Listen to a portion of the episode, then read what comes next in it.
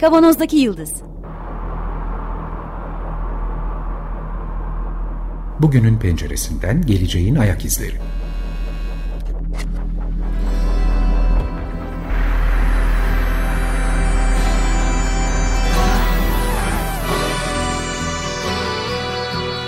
Hazırlayan ve sunanlar İsmail Başöz, Haluk Levent, Mustafa Yılmazer ve Fethiye Erbil.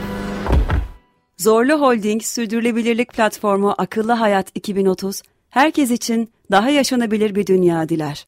Merhabalar, Açık Radyo'dayız. 95.0 Kavanoz'daki Yıldız programında sizlerle beraberiz yeniden.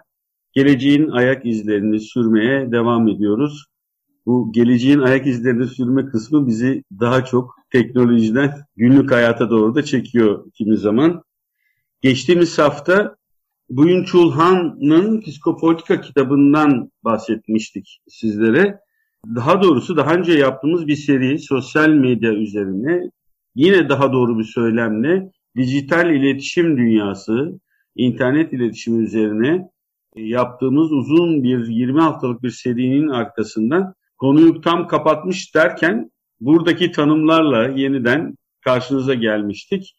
Mitis yayınlarından çıkan Haluk Barışcan'ın çevirdiği Psikopolitika kitabı, Neoliberalizmin Yeni İktidar Teknikleri isimli kitaptan e, aslında bizim de o 20 haftalık süreç boyunca sıkça e, örneklerini verdiğimiz bir takım konulardan bahsetmiştik. Hemen küçük bir hatırlatma. Bentham'ın Panoptikon'unu ki Foucault'da üzerinde çok önemli yazılar e, yazmıştı.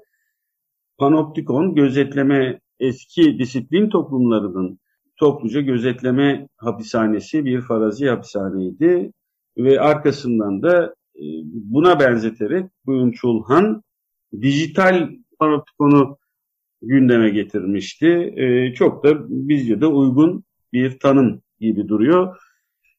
Oradan hemen yine küçük bir hatırlatmaya devam edeyim. En önemli farkı olarak da Panoptikon'da ortadaki gözetleyicinin ki ortada bir gözetleme kulesi var. Çevresinde e, hücreler şeklinde e, oluşturulmuş binanın her birinde bir gözetlenen birey var ve sadece baktığı yerden gözetleyebiliyor. E, tek bir açıdan görebiliyor. Ve en önemli kısmı da yine Haluk da belirtmişti. Ortadaki gözetleyici olmasa bile gözetlenen kişilerin orada her an birinin olduğuna inanarak hayatlarını sürdürüyorlardı.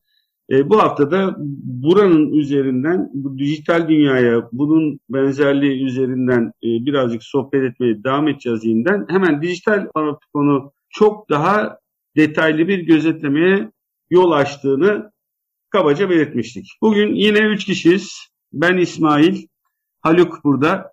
Merhaba. Fethiye burada. Merhaba. Biraz daha kitaptan ilginç tanımlarla sizlerle beraber olacağız. Bir de programın son ikinci yarısında daha doğrusu bu 25 dakikalık programın ikinci yarısında biraz haber takibi yapacağız. Daha önce konuştuğumuz konulardan bir tanesi Pegasus casus yazılımı, diğeri de Apple'ın devlete de hizmet edeceği düşünülen yeni iOS 5 yani bu hani 15. Ha, 15. Yeni işletim sistemi üzerinden yapıp gerçekleştirmeyi planladığım gözetim sistemi. Olağanüstü büyük bir sistem olduğunu söylüyor. Evet bu iki konu başlığından da bahsedeceğiz. Geçen hafta bitirememiştik. Biraz hızlıca, biraz kısaca Buyun Çulhan'ın Psikopolitika kitabında bahsettiği tanımları paylaşmak istiyoruz sizlerle. Daha meraklısı için kitabı biraz önce hatırlattık. Metis yayınlarından çıkmış olan bu kitapta daha detaylı okuma yapmak mümkün. İlk söyleyeceğim güzel bir örnek. Biraz önce bahsettiğim dijital panoptikonun günlük hayattaki yansımalarından Amerikan Big Data şirketi Axicom slogan olarak müşterilerine yani onların müşterileri reklam verenler daha çok tabii ki ya da kim alıyorsa siyasetçiler vesaire diyor ki size müşterilerinize 360 dereceden bakma imkanı sunuyor. 360 dereceden yani biraz önce bahsettiğimiz disiplin toplumlarının gözetleme şeklini sembolize eden Panoptikon hapishanesinde, Bentham'ın hapishanesinde tek bir taraftan görebiliyordu.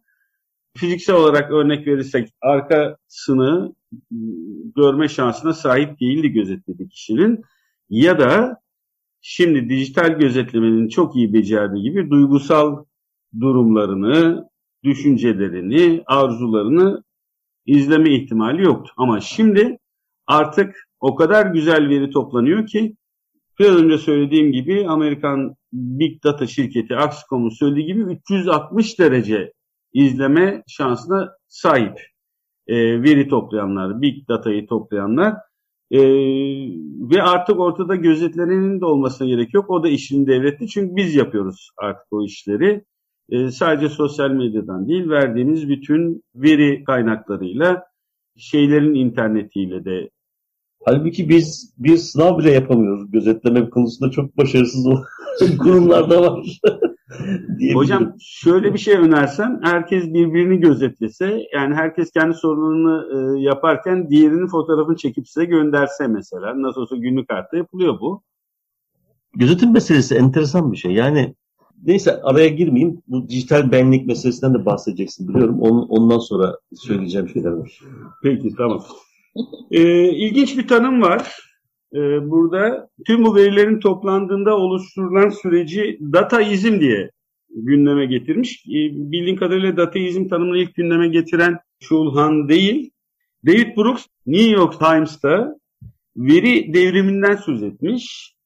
Dataizm şimdi büyük miktarda veri toplama imkanımız var. Ölçülebilecek her şeyin ölçülmesi gerekli verilerin duygular, duygusal, ideolojik ön yargıları süzmemizi sağlayacak şeffaf, güvenilir bir mercek olduğunu iddia etmiş. Çok ilginç geldi bana bu. Şeffaf, güvenilir bir mercek. Neyden arındırıyor? Duygusal, ideolojik ön yargılardan arındırıyor. E, verilerin geleceği görmek gibi sıra dışı şeylere bizi muktedir kıldığını e, ifade etmiş. E, ayrıca da bunun yaratacağı kültürel yaklaşımı da beraberinde getirdiğini söylemiş. Şimdi tabii burada verilerin değerlendirmesi sırasında bu bilgiyi bilgi diye tanımlanan aslında bizim bildiğimiz klasik anlamdaki bilgiye denk düşmeyen sadece sayıların bir araya gelmesi ve geçen programda kısaca konuşmuştuk korelasyon üzerinden sadece amaca yönelik çıkarımlar yapılması. Yanlış tanımlamıyorum herhalde değil mi Haluk? Yani e, o istatistiki verilerin, verilerin algoritmasının ne amaçlandıysa oraya yönelik değerlendirilmesi. Tamam peki o zaman e, ben de söyleyeceğimi söyleyeyim bu konuyla ilgili. Burada çok esaslı problemler var aslında. Yani hem e, kavramsal düzeyde hem de bunun e, muktedir yani bir iktidar aracı olarak muktedirlik seviyesi üzerinde bazı kuşkularım var. Şimdi birincisi ölçme işi basit bir iş değil. Yani ölçmek için belli kavramlara ihtiyaç duyuyoruz ve o kavramlar önceden tanımlanmış, soyut düzlemde tanımlanmış, e, teorik planda tanımlanmış kavramların ölçülebilir boyutlara ayrıştırılmasını e, gerektiriyor. Ondan sonra ancak ölçüm yapabiliyoruz ki burada çok tartışmalar var aslında bakarsan. Çünkü o boyutlara ayırma ister istemez o kavramın içeriğinden bazı azalmalara e, neden oluyor. Şimdi şimdi mesela dijital benlikte de öyle değil mi? Yani biz bir fiziksel varlık davranışlarıyla beraber yaşayan kanlı canlı bir fiziksel varlıktan bahsediyoruz. Ondan sonra bunun davranışlarını e, şey yaparak, bunun psikolojik boyutu da var tabii. Davranışlarını e, gözlemleyerek, onları belli kategoriler içerisinde gözlemleyerek oradan dijital benliği ya da bir dijital kişiliği yeniden yaratıyoruz. Dolayısıyla bizim e, sayılarla yani ölçtüğümüz sayılarla, rakamlarla e, ölçmeye çalıştığımız varlık arasındaki volan kayışımız kategoriler. Ama bu kategoriler çok derin bir felsefi mesela Hegel'de falan uzun uzadıya bu ölçüm meselesi üzerine şeyler vardır, e, pasajlar vardır. Yani o ölçümün o kadar da kolay olmayacağını söyler. Gündelik hayatta bunu zaten hep yaşıyoruz değil mi? Mesela TÜİK enflasyon ölçüyor. Ama o enflasyon herkesin enflasyonu farklı farklı. İşte üzerinde anlaşamıyoruz. Efendim ne bileyim ben e, pek çok başka konuda da bu örnekleri çoğaltmamız mümkün. Yani bu kategorilerin öyle bir saflıkta olması lazım ki bütün herkes aynı şeyi anlamalı ve e, o ölçüme konu olan, o kategori çerçevesinde o ölçüme konu olan nesnenin yani bizlerin davranışlarının, bizler değiliz yani bizlerin davranışlarının e, homojen olması lazım. Bir kategori tanımlıyorsak o kategori çerçevesinde ölçtüğümüz davranış sen de, ben de, Fethiye'de, Amerika'daki birinde, orada, burada hep aynı olması lazım. Şimdi bunu sağlamak o kadar kolay bir şey değil. Ama bu veri hükümranlığı şöyle bir imaj yaratıyor. Biz şey yapıyoruz, bir sürü işte veri yarıyor. Sen bahsettiğin e, çok doğru gerçekten. Yani ölçen kişinin ya da bizi gözetlemek isteyen kişinin çok fazla bir şey yapmasına gerek yok. Zaten biz müthiş bir e, veri yayıyoruz etrafa. 360 derece. Ondan sonra onu gözlemliyor, sınıflandırıyor. Bu sınıflandırmalar üzerinden bir kategori yaratıyor. O kategoriler üzerinden de bizim davranışlarımızı tanımlıyor. O davranışlar üzerinden de fiziki ve psikolojik olarak bizi tanımlıyor. Şimdi bu her aşamada bir dizi istatistiksel hata var. Ölçümden başlıyor. Çünkü onun ötesinde her ne kadar parametrik olmasa da tahminler var. Her tahminde hata var. Ve bu hatalar e, ne kadar büyüyor, ne kadar küçülüyor bilmiyoruz. Ama Peki, Haluk, bir şey söyleyeceğim. Tehlikeli olan bir şey var. Bir şeyi de söyleyeyim. Ondan sonra şey e, konu tartışırız. Tehlikeli olan bir şey de var. Bunu yapan az sayıda uzmandan oluşan grup bu sürecin farkında değil ve böyle bir gerçeklik yaratıyorlar kendileri. O gerçekliğin doğru olduğunu düşünüyorlar ve onu bize empoze ediyorlar ve bu konuda da büyük bir sorun yaşamıyorlar. Yani aslında belki bu e, Chulhan'ın kitabı boyunca ve başka kitaplarında bahsettiği bizimle o bizim dijital aksımız arasındaki yani akstan kastım şey e, hayalimiz, yansımamız arasındaki farklılık aslında bu süreçten kendinden çıkıyor. Bu, bu çok daha önemli ve ciddi bir problem. Ama zaten burada hedeflenen şey bizim bizim biz olan kısmımız değil anladığım kadarıyla. Yani dijital yansımamız bunu anlayıp buradan e, hareket etmeye çalışan bir perspektif var. Yani dijital yansımamızı alıp bunun nerede kullanılacaksa artık ticarette, siyasette nerede kullanılacaksa oralarda kullanılması üzerinden Tabii, yürüyor. Evet, tabii bu bir imkan da yaratıyor. Bu dijital yansımayı çok iyi örgütlenirsek bizim de kontrol etmemiz mümkün. Evet. Yanlış yansıma yaratabiliriz. Yani pek çok aslında bu, bu tür şeyler bazı bilim kurgu filmlerinde var. Yani e, isyan ve işte ne bileyim e, bu karşı çıkış mücadele aslında tamamen buradan yani. Yani bu, bu o uzman kişinin gördüğü fiziksel dünyanın bizim istediğimiz gibi algılanmasını sağlayacak bazı e, müdahaleler yapmak mümkün olabilir. E, tabii burada bir problem şu aslında. E, bunun, buna da gitmemek gerekiyor. Yani dataizm kavramı çünkü onu da e, vaz ediyor. Verinin kendisinde bir kötülük yok. Teknolojinin kendisinde de bir kötülük yok. Hep burada altın çizme çalıştığımız bir nötr, nötr bir durum var. E, burada söz konusu olan yani baş aşağı duran toplumsal düzen. Çünkü bu bizim murad ettiğimiz bir toplumsal düzende olsa e, kimse kimsenin gizli dünyasını işte bilmem ne karıştırmak için değil, toplum bütün türler için. Belki daha iyi bir yaşam koşulu yaratacak e, şekilde kullanılabilir bu ölçüde. Tabii o zaman ölçüm destesi değişecekti. Yani bizim davranışlarımızı ölçmektense ne bileyim daha başka şeyleri ölçmeye çalışacak. Ama sonuç itibariyle bunu gerçekleştiren, bu ölçümü gerçekleştiren teknolojik altyapının daha verimli kullanılması söz konusu olabilirdi. Ama burada işi bozan e, üretim araçları üzerindeki özel mülkiyet. Bunun üzerinde çok durduk. E, Shoshana Zuboff'un da bahsettiği e, meseleler buradan çıkıyor ortaya. E, bunu Bu durumda verilerin üzerindeki özel mülkiyetten de bahsetmek mümkün. Veri de çünkü şu anda bir... E, veri, e, veri bir tabii tabii. Veri bir üretim aracı zaten burada. Yani e, ters olan o. Yani bizim verilerimizi kullanarak bir kaydi değer yaratılıyor ve bu kaydı değer fiziki herhangi bir üretimle ilişkili değil. Dolayısıyla insan toplumunun refahını artıracak herhangi ya da başka türlerin refahını artıracak herhangi bir e, katkı sunmuyor.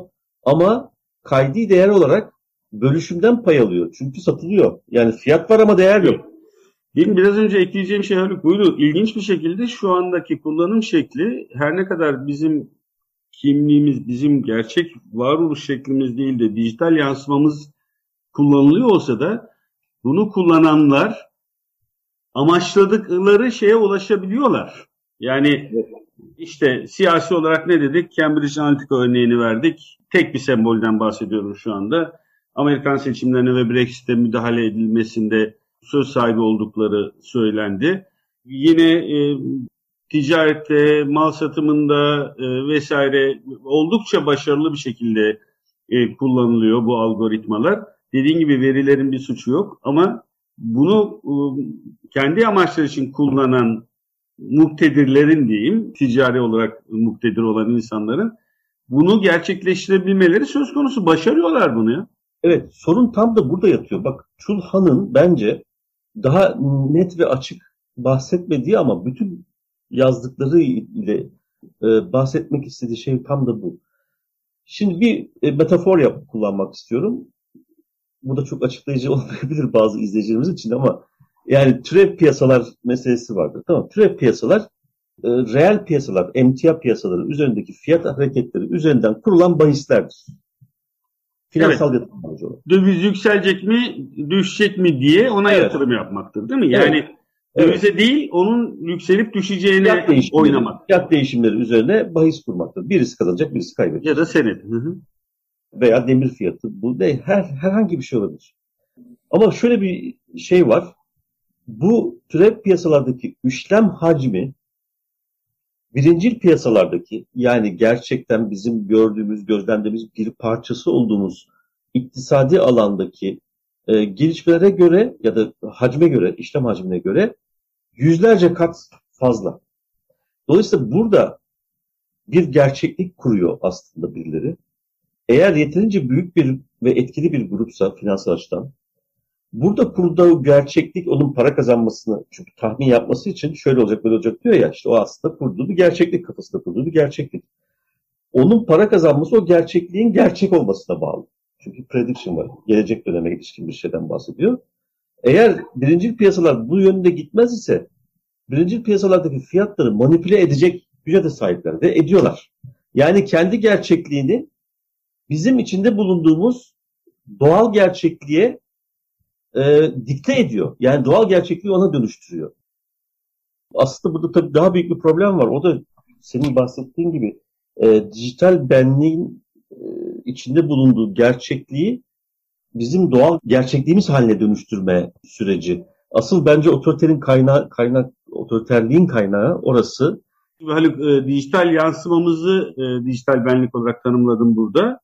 Evet bunun bizim gerçek gerçekliğimiz işte o şeyi haline getirilmesinden bahsediyorsun. Evet, o, evet evet yani o yani o orada yaratılan sanal gerçeklik aslında bizim doğal akış gerçekliğimizi çarpıtıyor, dönüyor, boz, dön, dönüştürüyor, bozuyor. Onu oraya yansıtıyorlar.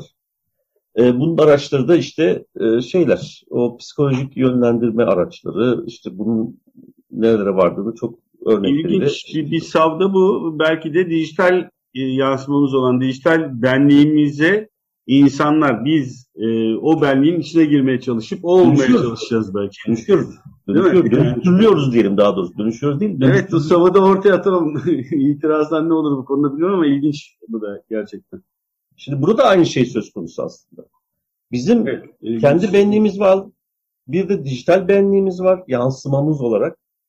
Ama onların e, gerçekliğinin bir parçası olan bizim dijital verdiğimiz bizden uzaksa bugün için burada kaybetme ihtimali olan biziz. Yani ya, zaman içerisinde işte o Cambridge Analytica'nın faaliyetleri şunlar bunlar hep bizim gerçek benliğimizi onların o e, sanal dijital benliğimize projekte etme hali aslında. Evet aslında tam söylediklerine paralel sözünü keseceğim. E, konuşacağımız şeyler olduğu için ee, yine e, kitaptan başka bir tanıma çok denk düştü şimdi biraz önce konuştuklarımız. Bir tanım daha var çok hoş. Nicelikleştirilmiş benlik diye. Belki biraz önce dijital yansımamız diye kullandığımız şey aslında. Yani çok böyle ne bileyim indirgeyerek e, bir örnek sunarsam işte birini tanımlıyoruz. E, günde ortalama 9200 adım atan, işte 32 kilometre arabasıyla yol yapan, kan şekeri e, ortalama 101, meditasyon sırasında kalp atışı 65 olan, 4 saat e, dizi izleyen, 2,5 saat müzik dinleyen e, vesaire diye e, hani en bildiğimiz örneklerle indirgeyerek verdim. Bizim nicelikleştirilmiş halimizin o dijital yansımayı oluşturduğunu söylüyor. Ve o buranın altına şey söylemiş. Tabii bu kadar sayılarla beraber oluşturulan bir yansıma felsefik anlamda da elbette büyük tartışmaları var orada bu Chunhan'ın. Bütünselliği oluşturacak olan anlatının olmadığı bir yeni bir ifade şekli olduğunu. Yani bunun bir bildiğimiz anlamda sezgileri içeren, e, nedenselliği içeren bir karar verme hali değil, sadece sayılarla tanımlanan ve anlatısı olmayan, hikayesi olmayan bir entitiler diyelim değil mi? Yani yanlış evet. olmasa. Yani. Onun, onun uç noktada bir örnekle belki şey yapabiliriz. Mesela bu yüz tanıma programları. Değil mi? İddia ne? İşte yüz tanıma programıyla terörist, teröristleri tespit edeceğiz. İşte toplum evet. için kötü olanları.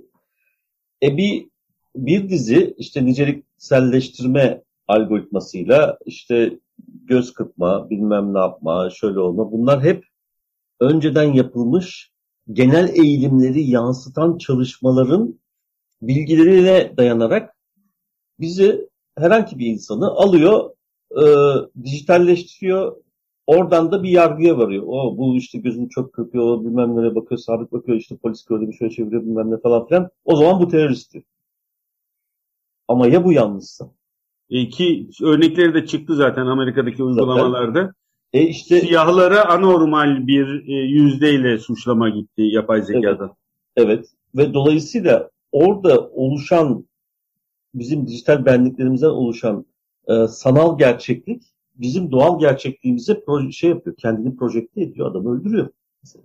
Evet. Son, Son bir yine ilginç bir tanımla gidelim. Tüm bu e, sıralamaya koyarsak işte veriler toplandı, nicelikleştirilmiş benlik ortaya çıktı. Dijital bilinç dışından bahsediyor şu anda girmeyeceğim e, buraya. Tüm bunları e, sonra kendilerinin algoritmalarında mikro targetingle, mikro hedeflemeyle aslında bireysel hedeflemeyle de e, insanlara müdahale edildiğini yine biraz önce bahsettiğimiz gerek siyasal olarak Cambridge Analytica örneğinde yine diğer e, ürün alışverişleri sırasında ya da film izleme, müzik dinleme vesaire sırasında bilgilediğimiz algoritmalarla bu mikro targeting'in bireysel hedeflemenin gerçekleştiğini e, bunun sonucunda da aslında bireysel hedeflerle e, yapılan müdahalenin insanların topluca bir araya gelerek başka kültürel eğilimlere doğru da yol açabildiğini, hadi en iyi bildiğimiz örneğini söyleyelim. Çok daha diğer şeyleri var ama komplo teorilerinin yayılması, işte komplo teorilerini yayma potansiyeli olan insanlara ulaştırılarak algoritma tarafından gerçekleştiğine dair çok yazı okuduk. Yani bu, bu insan bunlardan bahsediyorsa bu komplo teorilerine de ilgi duyacaktır deyip onun önüne çıkarılıyor e, mesela. E, bu tür bireysel hedefli e, algoritmalarında kültürel dönüşümlere de yol açabildiği üzerinden konuşuldu. Çok detaylı, çok e, kendi içerisinde bütünlüğü olan bir anlatıyı burada e, küçük parçalar halinde sizlerle paylaşmaya çalıştık. E, tekrar söylüyorum, Metis yayınlarından çıkan Psikopolitika isimli kitaptan bahsettiği iki haftadır. Şimdi bugün bahsetmemiz gereken haber takibi yapacağımız konulardan çok kısa bahsedelim. gerçi Açık Radyo sitesinde de iki tane güzel yazı vardı. Bir hatırlatalım en azından. evet aslında bir Independent Türkçe'de e, çıkmış. Bugün Açık Gazete'de e, Ömer abiler bahsedince ben de tabii fark ettim. Edward Snowden'ın Apple üzerine yazdığı bir yazı var. O yazı Apple'ın yeni çıkacak olan 15 iOS 15 işletim sisteminin içerdiği çok geniş, bugüne kadar görülmüş en geniş kapsamlı gözetim olanağından bahsediyor ve bunun artık çok tehlikeli noktalara gitmekte olduğunu e, söylüyor. E, dolayısıyla bunun üzerine, ayrıntılı olarak üzerine durmamız gerekiyor. Daha önce çok konuştuk. İkinci yazıda e, bundan bağımsız ama Pegasus, biz esas itibariyle bunun üzerinde durmuştuk. Pegasus'u Arundhati Roy'un The Guardian'da çıkmış bir yazısını e, üzerinden yani yazısı üzerinden değerlendireceğiz. O, o yazıyı da Açık Radyo'nun web sitesinde izleyicilerimiz bulabilirler e, Türkçe çevirisini. Onu da değerlendirmekte fayda var. Çünkü orada da Roy'un birkaç yıl önce Snowden'la yaptığı bir uzun nehir söyleşi herhalde sonradan kitaba falan da dönüşmüş olabilir. Nehir söyleşinin metinlerine giderek e, ne kadar büyük bir tehlike oluşturduğunu, bunun öyle basit bir 50 bin kişinin izlenmesinden ibaret olmayacağını çok daha büyük bir gözetim toplumu toplumları hatta e, yaratabileceğini e, söylüyor. Bu ikisi bu anlamıyla çakışıyor ve bizim de daha önce konuştuğumuz meselelerle çakıştığı için bir ele almakta fayda var. O zaman şöyle diyelim mi dinleyicilerimize? Bu yazıları okuyun gelin haftaya konuşalım. Ödev verdik yani öyle mi? Peki. Ha, Independent Türkçe'de yayınlanan e, Edward Snowden tarafından yazılmış bir makalenin çevirisi var. E, makale, o yazının başlığı ne kadar iyi niyetli olursa olsun Apple tüm dünyayı gözetleyecek bir göz inşa ediyor. Ee, bir de Pegasus dosyası meselesi var. Bununla birlikte önerdiğimiz size e, yazısını ama biz e, sanıyorum yaklaşık bir ay önce bu konuyu konuşmuştuk iki ayrı program halinde. Birincisi 30 Temmuz 2021'deydi. İkincisi de hemen ertesi hafta 6 Ağustos 2021'de e, Newslab Türkiye'den Ahmet Sabancı ile beraber Pegasus dosyasına bir giriş yapmıştık. Onlara da bakmak isteyebilirsiniz ilgileniyorsanız. Açık Radyo arşivinden 30 Temmuz ve e, 6, 6 Ağustos, Ağustos tarihli e, yayınlarımıza radyonun arşivinden, radyomuzun arşivinden ulaşabilirsiniz. Bu durumda radyomuzun şeyden Açık Radyo sitesinden iki yazı, iki program tavsiyesiyle. Sınavı ne zaman yapıyoruz hocam? Önümüzdeki hafta ilk 5 dakika önce bunları değerlendireceğiz. Peki. Bu haftalık programımız buraya kadar. Önümüzdeki haftaki programlarımız, önümüzdeki haftaki konularımız ortaya çıktı. Snowden'ın yazısı ve e, Arundhati Roy'un Pegasus casus yazılımı konusundaki perspektifini diğer başka kaynaklarla da e, besleyerek sizlerle daha detaylı olarak konuşmak istiyoruz. Bu programın sizlere ulaşmasını sağlayan tüm Açık Radyo çalışan arkadaşlarımıza çok teşekkür ediyoruz. Program destekçimize yine Canı Gönül'den teşekkürlerimizi iletiyoruz. Önümüzdeki hafta tekrar görüşmek üzere. Sağlıkla kalın. Hoşçakalın. Hoşçakalın.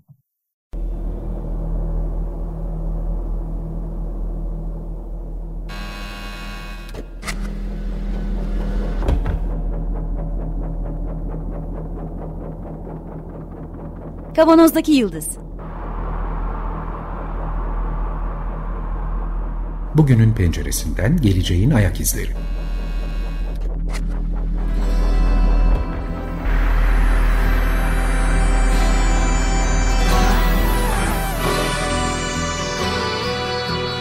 Hazırlayan ve sunanlar İsmail Başöz, Haluk Levent, Mustafa Yılmazer ve Fethiye Erbil. Zorlu Holding Sürdürülebilirlik Platformu Akıllı Hayat 2030 sundu.